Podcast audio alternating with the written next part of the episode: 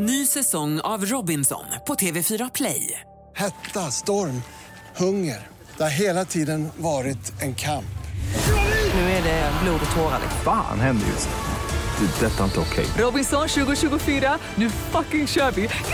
Streama söndag på TV4 Play. Du lyssnar på en podcast från Expressen. Fler poddar hittar du på expressen.se podcast och på iTunes. Bilderna från Nordkorea som regimen ville stoppa. Det här är Expressen Dokument. Ett fördjupningsreportage varje dag med mig, Johan Bengtsson, som idag läser Arne Lapidus text om det stängda landet Nordkorea. En liten styrande klick bestämmer om Nordkorea ska göra allvar av sitt hot och starta kärnvapenkrig. Den stora massan har inget att säga till om i världens hårdaste diktatur. Enligt samstämmiga vittnesmål lever nordkoreanerna i skräck för regimen och för sina grannar.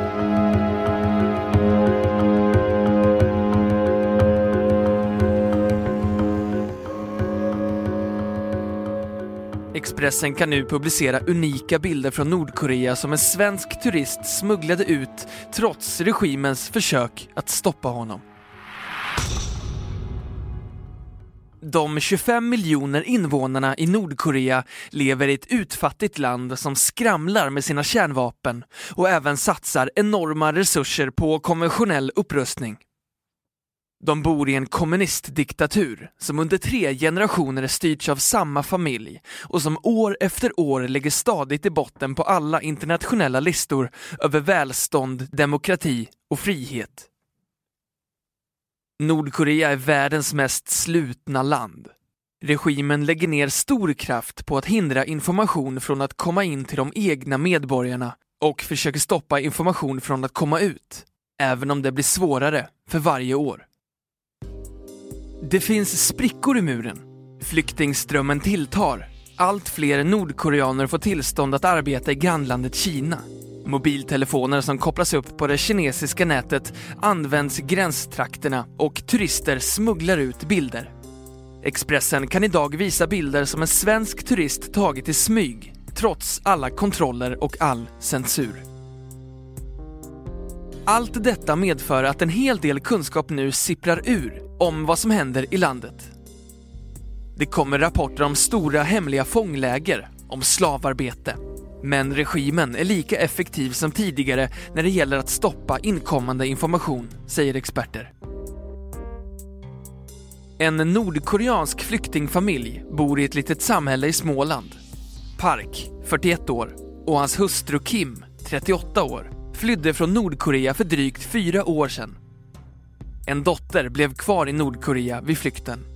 Hon är idag nio år, men familjen har ingen kontakt med henne och vet inte ens om hon lever.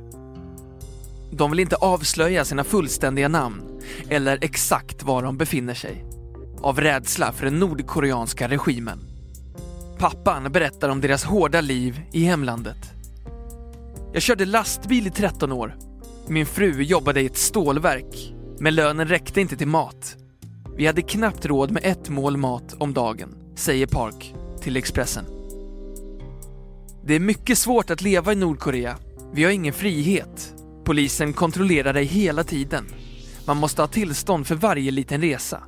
Och människor kontrollerar varandra. Grannar och arbetskamrater är skyldiga att rapportera allt om varandra. Annars kan de få hårda straff, säger han. Familjen bodde i Chongjing, den tredje största staden i landet. Första gången flydde Park ensam. Han simmade över gränsfloden till Kina, där han har en kusin. Men den kinesiska polisen tog honom på gatan. Han hade inget pass och hade tagit sig in till Kina illegalt. Jag hade otur. De skickade mig tillbaka till Nordkorea. Jag hamnade hos den nordkoreanska specialpolisen, berättar Park. Jag var fängslad i tre månader de slog och torterade mig flera timmar varje dag. De knäckte min näsa, slog ut tänder och skadade mitt huvud, säger han. Till slut hamnade Park på sjukhus och lyckades fly till Kina igen. Han jobbade i tre år och sparade pengar så att han också kunde få ut sin fru med hjälp av flyktingsmugglare. Men deras då fyraåriga dotter blev kvar. Mamma Kim förstod inte att hon skulle föras över gränsen, så hon bad sina föräldrar att ta hand om dottern några dagar. Jag tänker på henne varje dag. Jag kan inte sova. Jag bara tänker på henne hela tiden, säger mamman till P4 Kalmar. Det nordkoreanska paret hamnade i Sverige för att de fick råd av en kristen församling att söka sig till norra Europa. Men familjens framtid i Sverige är högst osäker. Förra månaden fick de definitivt avslag på sin ansökan om uppehållstillstånd. Ett beslut som inte kan överklagas. Myndigheterna vill avvisa dem till Sydkorea. Vi är ju nordkoreaner. Vi har inget med Sydkorea att göra. Det känns oroligt. Polisen kan komma när som helst, säger Park. Enligt källor med insyn i fallet kan det dock dröja med avvisningen. Åtminstone så länge den nuvarande politiska krisen på koreanska halvön pågår. Den sydkoreanska konstitutionen säger att i princip alla nordkoreaner är berättigade medborgarskap i Sydkorea och om man har rätt till medborgarskap så har man också fullständigt skydd, säger Fredrik Beijer, tillförordnad rättschef på Migrationsverket, till tidningen Dagen. Medan den överväldigande majoriteten av Nordkoreas befolkning lever under mycket svåra förhållanden börjar huvudstaden Pyongyang visa vissa tecken på välstånd. Där bor den välbetalda eliten inom det styrande kommunistpartiet, militärledningen och affärsmän som blivit rika på den växande handeln med Kina. Där finns nybyggda bostadskvarter, Mercedesbilar på gatorna och elegant klädda människor som talar i mobiltelefon. Där roar sig samhällstopparnas barn i den nöjespark som diktatorn Kim Jong-Un invigde förra sommaren. Folk hoppades att Kim Jong-Un skulle göra våra liv bättre, men hittills har de blivit besvikna, säger en 50-årig kvinna som bara vill uppge namnet Park, ett av de vanligaste koreanska namnen, till New York Times. Hon säljer majskakor i ett stånd på marknaden, men säger till tidningen att affärerna går dåligt. Hon berättar om svältande barn som försöker stjäla kakor och hon har flera gånger gått förbi de döda kropparna efter de som har varit för svaga för att stjäla. Jag skulle ha gett dem mat om jag hade haft någon, säger hon.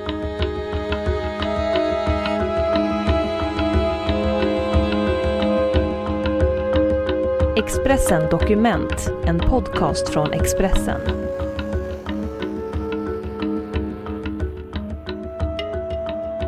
Matpriserna har rusat i höjden på grund av torkan och på grund av att Nordkorea gick miste om livsmedelshjälp från USA sedan landet började spränga kärnladdningar och skjuta upp raketer förra året, rapporterar New York Times. Rispriset fördubblades förra året och den kroniska bristen på bränsle, el och råvaror har tvingat många fabriker att slå igen och lett till massarbetslöshet. På landsbygden stjäl desperata människor säd, potatis och andra grödor. Bönderna sliter för att fylla de leveranskvoter staten har bestämt. Men samtidigt måste de se till att deras egna familjer har mat för dagen, rapporterar Daily NK, en nyhetssajt baserad i Sydkoreas huvudstad Seoul som rapporterar från Nordkorea i syfte att främja demokrati och mänskliga rättigheter där. Människor stjäl trots ökad vakthållning och trots risken att hamna i fängelse, för annars kommer de att svälta. Christopher Green är chef för Daily NKs engelska version. Sajten rapporterar också på koreanska, kinesiska och japanska. Och han berättar hur man samlar in information från Nordkorea. Vi har ett stort nätverk av folk som lever och arbetar i Nordkorea. Vi får information via mobiltelefoner, sms och brev. Det mesta kommer via kinesiska mobiltelefoner, säger Christopher Green till Expressen. Nordkoreas mobilnät och sociala medier är hårt övervakade. Men folk har kinesiska mobiltelefoner trots att det är olagligt. Inom 7-8 kilometer från kinesiska gränsen finns det täckning. Våra informatörer reser till dessa områden för att rapportera. Allt fler reser också över gränsen till Kina. Affärsmän och arbetare med tillstånd, smugglare och avhoppare. Våra medarbetare träffar dem i Kina, säger han. Robert Boyton undervisar i journalistik på New York University och medarbetar i ledande amerikanska tidningar. Han har studerat informationsflödet till och från Nordkorea och finner att världen trots allt vet betydligt mer om det slutna landet idag än tidigare. En rad webbsidor som Daily NK och andra med nordkoreanska nyheter ligger bakom uppsvinget, förklarar han. Regimen har medvetet lättat på restriktionerna när det gäller utgående information under senare tid. De vill ge intrycket av att de moderniserar och liberaliserar. Men det verkliga skälet är att de inte längre kan kontrollera vad som kommer ut, säger Robert Boyton till Expressen. När det gäller inkommande information har de inte gett efter det minsta. Censuren och repressionen är lika hård som alltid. Att kontrollera informationen till de egna medborgarna har alltid varit viktigast för regimen, säger han. Svenska turister och andra besökare vittnar om hur svårt, för att inte säga omöjligt, det är att få kontakt med människor i Nordkorea. Bortsett från de officiella guiderna som fungerar som övervakare. Det är bara tillåtet att fotografera på angivna platser och man får inte fotografera människor. Men en turist lyckades fotografera vardagsliv och smuggla ut sina bilder, som Expressen nu publicerar. Guiderna kollade mina bilder varje dag i bussen och sen var det en extra kontroll vid utresan. Det förvånade mig att de ville radera helt normala bilder. Jag fotograferade inget jag tyckte var känsligt eller kontroversiellt, säger fotografen som inte vill framträda med namn. Men de missade att jag hade en kamera med två minneskort. De kollade bara det ena. På så sätt fick jag ut mina bilder, säger han. Lovisa Lam Nordenskjöld, författare till boken Ambassaden i paradiset om Sveriges relationer med Nordkorea, minns nordkoreanernas rädsla för att möta utlänningar. Människor var rädda. De ville inte ha kontakt. De tittade förbi mig som om jag var luft. Jag skulle ha satt folk i jättestor fara om jag hade försökt att ta kontakt, säger hon.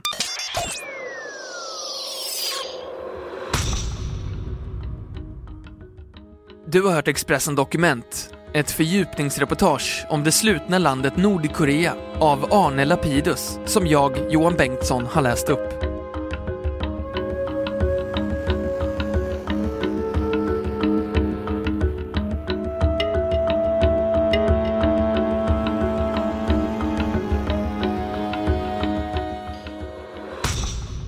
Du har lyssnat på en podcast från Expressen.